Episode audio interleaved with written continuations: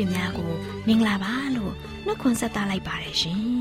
တော်တာရှင်များရှင်ခရစ်နှစ်2022ခုနှစ်ဇွန်လ4ရက်မြန်မာတက္ကီ1384ခုနှစ်ဝါဆိုလာဆန်း9ရက်တနင်္လာနေ့မျော်လင့်ခြင်းတန်မြမာစီစဉ်များကိုစတင်တန်လွှင့်နေပါတယ်ရှင်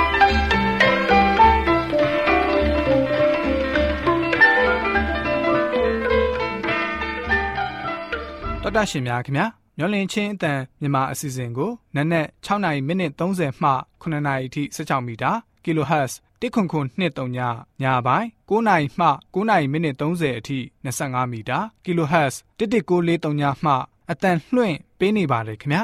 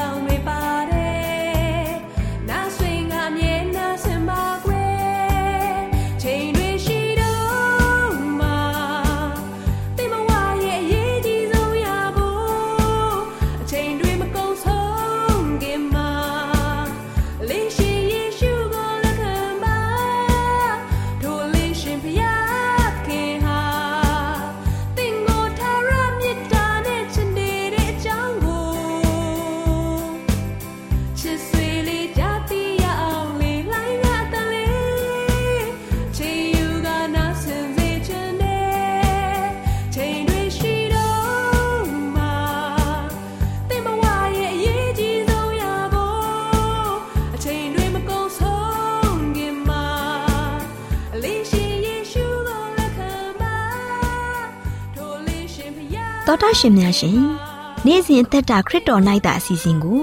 တိတ်ခါရောရဆရာဥဆိုင်သာတွေးထံမှာမှတ်သားနိုင်ယူကြပါစို့လားရှင်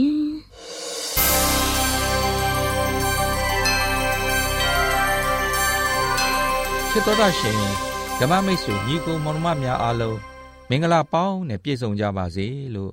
ရှေးဥစွာနှုတ်ခွန်းဆက်သလိုက်ပါတယ်အားလုံးပဲကိုစိတ်နှပြကျမ်းမာချမ်းသာတော်မူကြပါစေ အခုချိန်မှာနေ့စဉ်အသက်တာခရစ်တော်၌သာအစီအစဉ်ရောက်ရှိလာပြီဖြစ်တဲ့အတွက်ဓမ္မမိတ်ဆွေများအားလုံးဝိညာဉ်ခွန်အားရရှိဖို့ရန်အားပေးတိုက်တွန်းသွားခြင်းပါတယ်။ရှေးဥစွာကျမ်းစာတော်များတစ်ပိုက်ကိုဖတ်ပြခြင်းပါတယ်။ဘယ်မှာတွေ့နိုင်တယ်လဲဆိုရင်ဓမ္မရာဇဝင်စတုထဆောင်ခန်းကြီး9အအငယ်73ထဲမှာဖြစ်ပါတယ်ဘယ်လိုဖော်ပြထားသလဲဆိုတော့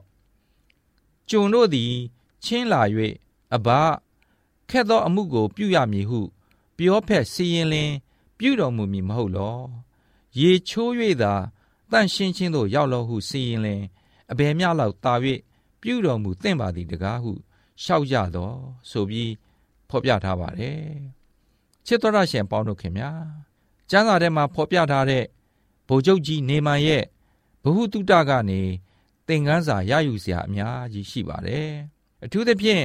ဘုရားသခင်ရဲ့စကားကို နားထောင်ခြင်းအပြင်မင်္ဂလာအပေါင်းနဲ့ခညောင်းသလိုပြေဝဆုံလင်ပြီးအင်တန်မှအကျိုးထူးတဲ့အသက်တာကိုလည်းရရှိနိုင်ကြောင်းနားလည်ရပါတယ်ချစ်တော်ရရှင်ပေါင်းတို့ခင်ဗျာဗိုလ်ချုပ်ကြီးနေမန်ဟာပြောဖက်အေလိရှဲရဲ့လူမှုရေးစရိုက်ကြမ်းတမ်းမှုကြောင့်အကြီးကျယ်စိတ်ဆိုးပြီးနောက်ကျောင်းပြန်ဖို့ဆိုင်းပြင်းလိုက်ပါတယ်။ကျမ်းစာထဲမှာဘယ်လိုမှတ်တမ်းတင်ထားခဲ့တယ်လဲဆိုရင် ဓမ္မရာဇဝင်စတုဒ္ဒဆောင်အခန်းကြီး9ငွေ7နဲ့7ထဲမှာနေမန်ကလည်းအကယ်၍ပရောဖက်သည် ထွက်လာမည်ငါအနားမှာရက်လက်မိမိဖျားသခင်ထာဝရဘုရား၏နာမကိုခေါ်၍မိမိလက်နှင့်သုံးသပ်သဖြင့်နူနာကို ပျောက်စေမည်ဟုငါထင်၏ဓမ္မသက်ပြည်၌အာဗနမြင့်ဖာဖာမြင့်တို့သည်ဤသေးလာမြင့်အလုံးစုံတို့ထက်သာ၍ကောင်းသည်မဟုတ်လော ထိုမြင့်၌ငါရေချိုး၍မတန့်ရှင်းရသလောဟုဆိုလျက်အမျက်ထွက်၍ပြန်သွား၏လို့ဖော်ပြထားပါတယ်နောက်တစ်ချက်အနေနဲ့တော့နေမန်ဟာယောဂကုဖို့လာတဲ့အခါမှာငွေကအခွက်တရားရွှေကအခွက်60နဲ့အင်တမတန်ဖိုးကြီးတဲ့ဂဒီပါအထက်အလိတ်တွေဟာဝန်တင်တဲ့ယထာစီးလုံးပြည့်ယူဆောင်လာခဲ့ပါတယ်။ဒါပေမဲ့ပြောဖက်စီရောက်သွားတဲ့အခါမှာတော့ ပြောဖက်ရဲ့အဲ့ဝမကျေမှုကြောင့်ဗိုလ်ချုပ်ကြီးနေမဟာအင်မတန်မှစိတ်ဆိုးခဲ့ပါတယ်။တကယ်လို့ကျွန်တော်တို့အနေနဲ့လည်းပဲနေမန်လိုနေရာမှာရှိလို့ယာဒူးနဲ့နောက်ခံယဉ်ကျေးမှုဟာလည်းတူညီနေမယ်ဆိုရင်ဒီလိုအဲ့ဝမကြေပုံမျိုးကို စိတ်ဆိုးမိမှာအမှန်ပါပဲဒါပေမဲ့လည်းအေလိရှဲရဲ့နီးစနစ်ဟာဖျားသခင်ရဲ့ညွန်ကြားချက်ဖြစ်နေတာမို့ဒီကနေ့ကျွန်တော်တို့ရဲ့ ပြုမှုကြင့်ကြံလှုပ်ဆောင်ဖို့မျိုးနဲ့တော့ကြွာချလာပါတယ်တကယ်လို့အင်တမယာရုကြီးပြီးတိတ်ခါရှိတဲ့လူကုန်တန်းတဦးတယောက်ဟာကျွန်တော်တို့ရဲ့ဆေးအုပ်မှာလာပြီးစေကုသမှုကိုခံယူမဲ့ဆိုရင် ပြပြတလဲပြင်ဆင်လက်ခံကြမဲ့အနေအထားမျိုးကိုတော့စဉ်းစားတွေးမြင်မိမှာပဲဖြစ်ပါတယ်ချစ်တော်ရရှင်ပေါင်းတို့ခင်ဗျာဗိုလ်ချုပ်ကြီးနေမာနေနဲ့အနာဘောဒုကြသလို ထလောင်ပြီးစော်ကားမှုတစ်ခုဖြစ်စေတာကတော့ပြောဖက်အေလိရှဲရဲ့တိုတောင်းပြတ်သားပြီး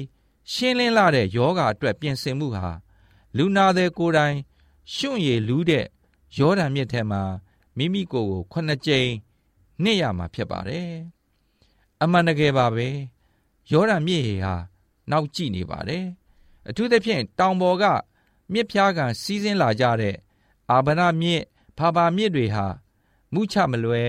ဤသေးလမြစ်တွေအားလုံးထက် ပိုပြီးကောင်းတာကို တွေ့ရှိရပါတယ်ဒါပေမဲ့လည်းဗိုလ်ချုပ်ကြီးနေမန်ဟာမိမိရဲ့ကိုယ်ပေါ်ကနေဆွဲကပ်နေတဲ့ဖုံမုတ်တွေကိုတော့စီးရီးယားပြည်မှာရှိတဲ့မြစ်ရည်တွေနဲ့စေးကြောနိုင်မှာဖြစ်ပေမဲ့မိမိမှာဆွဲကပ်နေတဲ့နူနာယောဂါကိုတော့ပျောက်ကင်းစေဖို့ဆန္ဒရှိမယ်ဆိုရင်ယော်ဒန်မြစ်ရေတစ်ခုတည်းကသာစွမ်းဆောင်နိုင်မှာဖြစ်ပါတယ်။ဒါကြောင့်အရာတစ်ခုခုကို ကောင်းတယ်ဆိုးတယ်မှန်တယ်မားတယ်ဆိုတာကတော့ဖျားသခင်ရဲ့နှုတ်ကပတ်တော်ကပြုပြင်ပေးသွားမှာဖြစ်ပါတယ်။ချစ်တော်ရရှင်ပေါင်းတို့ခင်ဗျာနောက်ဆုံးမှာတော့နေမန်ရဲ့ကျွန်တွေဟာသူတို့သခင်ရဲ့မာနတရားနဲ့ဒေါသကို ထိမ့်ချုပ်နိုင်ဖို့ကူညီပေးခဲ့ကြပါတယ်။သူတို့ရဲ့သခင်ကိုယိုသေးစွာနဲ့အဘာလို့ခေါ်ပြီးပြောဖက်အေလိရှဲရဲ့ညွန်ကြားချက်တွေကိုလိုက်နာခြင်းအပြင် ဘာမှအရှုံးမပေါ်နိုင်ကြောင်းဖြောင်းဖြခဲ့ကြပါတယ်။နောက်ဆုံးမှာနေမန်ဟာမိမိရဲ့မှန်မာနကို အောင်မြင်ခဲ့ပါတယ်။ဖခင်ရဲ့အမိတ်ကို နာခံခဲ့ပြီးပြောဖက်အေလိရှဲရဲ့ညွန်ကြားချက်အတိုင်းယော်ဒန်မြစ်ထဲမှာမိမိကိုယ်ကိုခုနှစ်ကြိမ်တိတိနှစ်လိုက်တဲ့အခါမှာနောက်ဆုံးမှာတော့သူ့ရဲ့အသားဟာသူငယ်ရဲ့အသားလိုပြောင်းလဲသွားပြီးတန့်ရှင်းခြင်းကိုရောက်သွားခဲ့ကြောင်းတွေ့ရှိရပါတယ် ချစ်တော်ရရှင်ပေါင်းတို့ခင်ဗျာယုံကြည်ခြင်းနဲ့ဖျားသခင်ရဲ့လမ်းခီးတော်ကို လိုက်သွားသမျှသောသူတွေဟာအံ့ဩစရာဖြစ်ရတွေတစုံတစ်ခုဖြစ်ပေါ်လာမယ်ဆိုတာကတော့မြေကြီးလက်ပုတ်မလွဲပါပဲခင်ဗျာဒါကြောင့်ဒီကနေ့ကျွန်တော်ကျမတို့ရဲ့အသက်တာမှာအိုးအဖဖျားသားသမီးများတို့သည် ကိုရရှင်ဖျားကိုအမြဲတမ်းယုံကြည်ကိုးစားလျက်ကိုရရှင်တရားတော်အတိုင်း တသွေမတိန်လိုက်လျှောက်နားထောင်ခြင်းအပြင်အမြဲတမ်းအောင်မြင်မှုရရှိနိုင်ဖို့ရန်မဆတော်မူပါအာမင်ဆိုပြီးဆုတောင်းကြပါစို့ချစ်တော်ရှင်ဓမ္မမိတ်ဆွေညီကိုမောင်နှမအရောက်စီတိုင်းပေါ်မှာဖျားသခင်ထံမှာကောင်းကြီးမင်္ဂလာဖျားဖျားကြားရောက်ပြီးနေ့စဉ်အသက်တာမှာလည်းခရစ်တော်ဘုရားကိုအားကိုးယုံကြည်ခြင်းအပြင်အောင်မြင်တဲ့သူအရောက်တိုင်းဖြစ်နိုင်ကြပါစေ။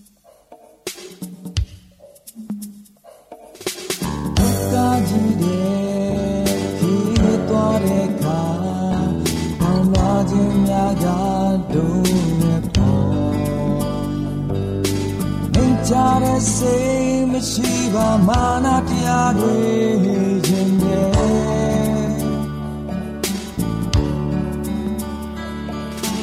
ရောင်နဲ့တယောက်နဲ့ဒီလိုရက်စက်ကြပြီခါတီလိုနဲ့စိတ်ဓာတ်တွေ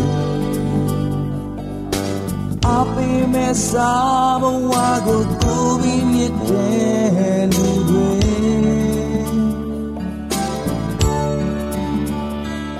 တွေကိုယ်တော်ပြတဲ့တော့ချောင်းလုံးနေချရမယ်ပြေကိုရှာခွဲတဲ့လုံးတွေ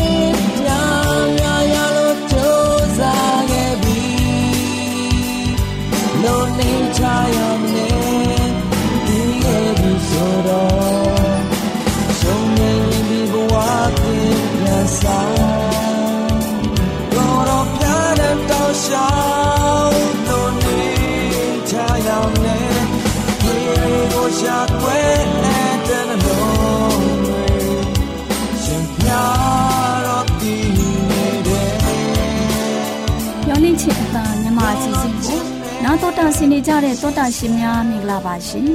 တောတာရှင်များရှင်လူတဦးတယောက်ရဲ့အသက်တာမှာတွေ့ကြုံရတဲ့တွေ့ကြုံအခက်ခဲကြော်လွားခဲ့ရဖို့အဖြစ်အပျက်တွေရှိကြပါတယ်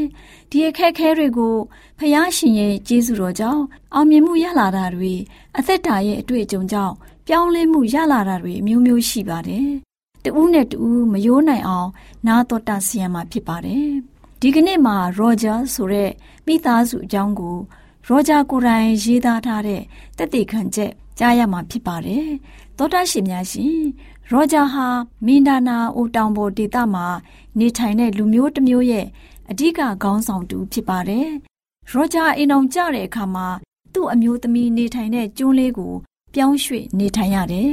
ရောဂျာရဲ့အရင်အိမ်တောင်နဲ့ရတဲ့ကလေး၃ယောက်လည်းသူတို့နဲ့အတူတူလိုက်နေတယ်။ဇမ်ဘူအာကာဆိုတဲ့ကမ်းခြေမှာတွားရတဲ့ကျွန်းကလေးက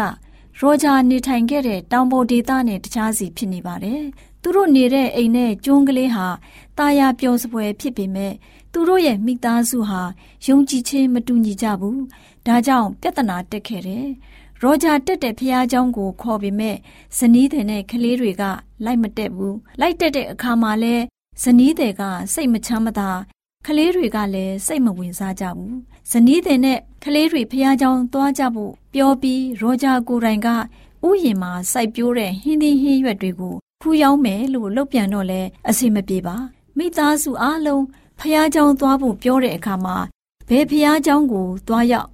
ရှ िख ိုးရမှာမသိတဲ့အတွက်ညှိနှိုင်းလို့မရပြန်ပါဘူးနောက်ဆုံးမိသားစုအားလုံးယုံကြည်ခြင်းတူပြီးသွားရောက်ဝတ်ပြုနိုင်မဲ့ ဘုရားเจ้าကိုရှာရတော့မယ်ဆိုတာရောဂျာဆုံးဖြတ်ရတော့တယ်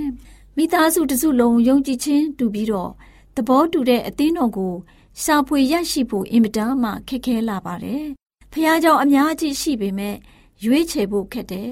ရောဂျာရဲ့ဇနီးတွေက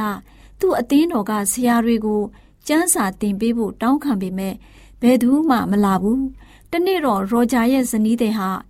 သူစာတင်တဲ့ကျောင်းဝင်းထဲမှာ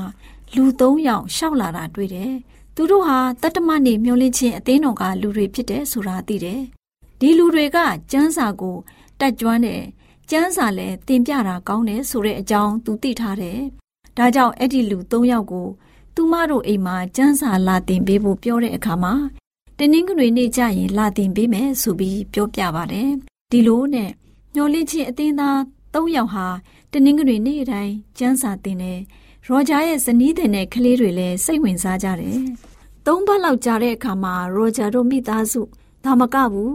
အိနာနီချင်းတွေလည်းကျန်းစာလာနာထောင်ကြတယ်။ဘာဖြစ်လို့ကျန်းစာတင်ခြင်းလဲဆိုရင်တတ္တမနေ့မျောလင့်ခြင်းအသိတော်မှတုံတင်ချက်တွေဟာကျန်းစာအုပ်ကိုအခြေခံတုံတင်တာကိုသိတော့လူတွေစိတ်ဝင်စားလာကြတာဖြစ်တယ်။ကျန်းစာတင်ပြီးတဲ့အခါမှာ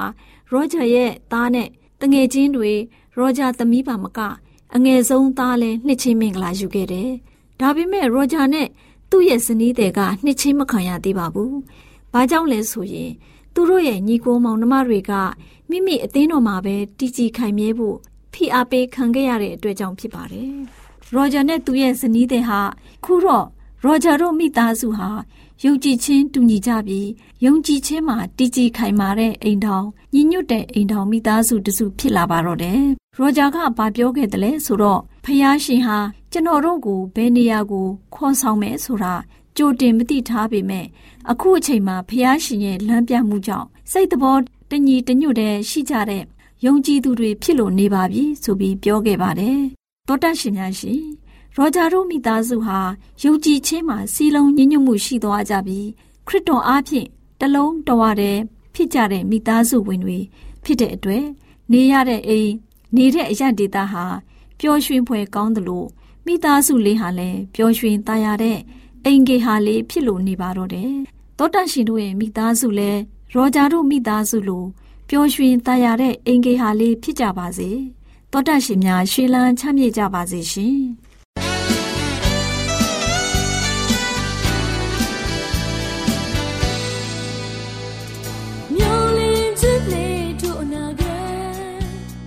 မျော်လင့်ခြင်းအတန်ငယ်မောင်မယ်လေးများတို့ကဘာကြောကြားပုဂ္ဂိုလ်များအစီအစဉ်မှာလေးစားတူးယူပွဲကဘာစာစုကြီးများနဲ့အခြားပုဂ္ဂိုလ်ကျော်ကြီးများအကြောင်းကို တင်ပြပေးသွားမှာဖြစ်ပါတယ်။ယနေ့လူငယ်မောင်မယ်လေးတို့အတွက်အတူယူပြီးဘဝခွန်အားဖြစ်စေမဲ့ပုံကိုကြီးကတော့ဆမ်မြဲဂျွန်စင်ရဲ့အကြောင်းပဲဖြစ်ပါတယ်ကွယ်လူငယ်မောင်မယ်လေးတို့ရေဆမ်မြဲဂျွန်စင်ကိုအင်္ဂလန်နိုင်ငံ Lichfield မှာမွေးဖွားပါတယ် သူ့ရဲ့ဖခင်ကစာအုပ်ရောင်သမားတစ်ယောက်ပါငယ်စဉ်ကလေးက TB ယောဂဆွဲကပ်နေရလို့ဘဝကိုအင်မတန်မှခက်ခက်ခဲခဲရုန်းကန်ခဲ့ရပါတယ်။သူဟာเจ้าမှာစာတော်ပြီးမဲ့လေအယုတ်ဆိုးအကြီးတန်းတယ်လို့ဆိုပါတယ်။ဆမ်မြဲအသက်19နှစ်အရွယ်မှာ Oxford တက္ကသိုလ် Pembroke College ကိုတက်ရောက်ပါတယ်။ဒါပေမဲ့ဆင်းရဲခြင်းရဲ့ထမ်းကြောင့်ဘလောက်ပဲကြိုးစားပြီးမဲ့စိတ်သွားတိုင်းကိုမပါရှာဘူးကွယ်။ အတန်းထဲဝင်ပြီးပိုးချချက်တွေကိုမသိယူနိုင်တော့ကျောင်းပိတ်ရက်တွေမှာတငယ်ချင်းတွေစီသွားပြီးတော့စားတွေကိုကူးရတာပေါ့ဒါပေမဲ့လည်းစားကောင်းကောင်းမလိုက်နိုင်တဲ့အတွက်ဘွဲ့မရပဲအိမ်ပြန်ခဲ့ရပါတယ်ကွယ်လူငယ်မောင်မယ်လေးတို့ရေသူဟာသူ့ထက်အသက်20ပိုကြီးတဲ့မုတ်ဆိုးမအမျိုးသမီးတယောက်နဲ့လက်ထပ်ခဲ့ပါတယ်အဲ့ဒီအချိန်မှာတော့သူ့ရဲ့အသက်က26နှစ်ရှိနေပါပြီ ဆမ်မြဲဟာသူ့ရဲ့နေရက် Litchfield မှာကျောင်းဆရာခဏဝင်လုပ်ပါတယ်။ဒီလိုနဲ့မကြခင်မှာပဲ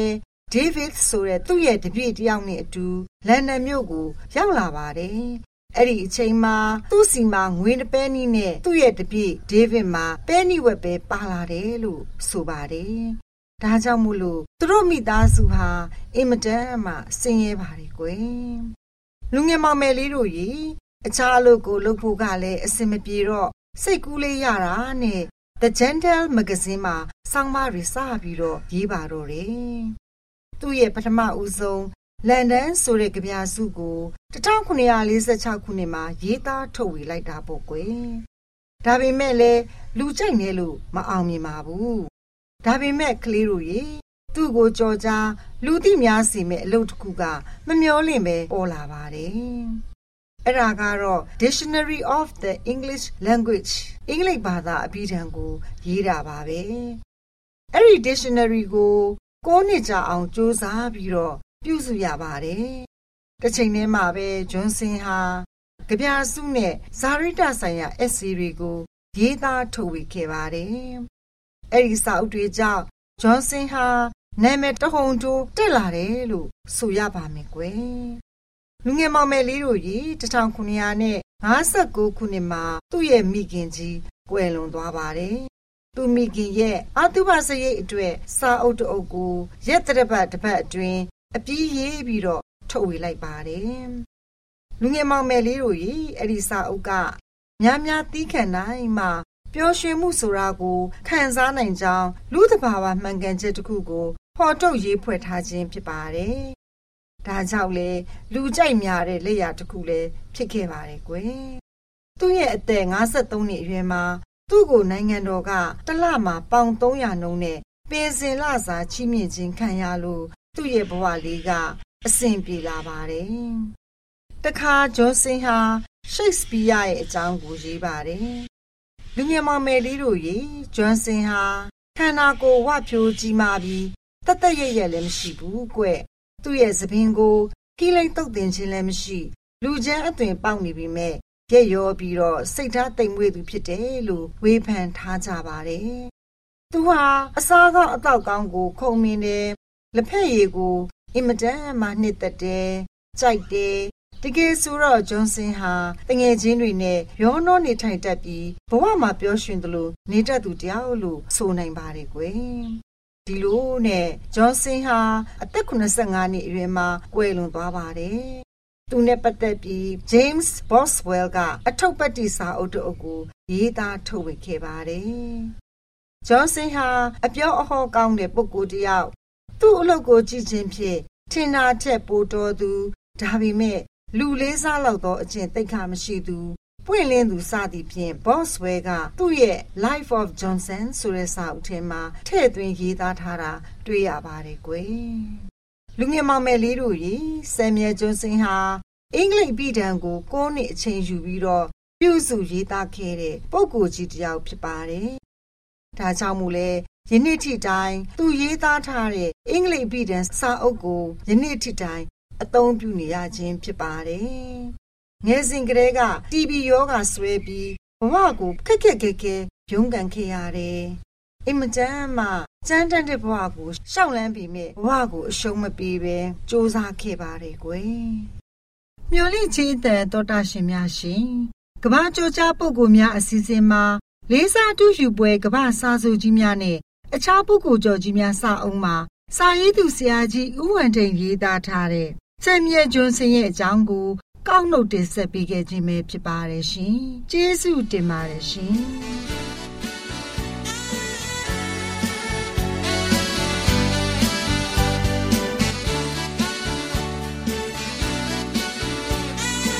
သောတာရှင်များရှင်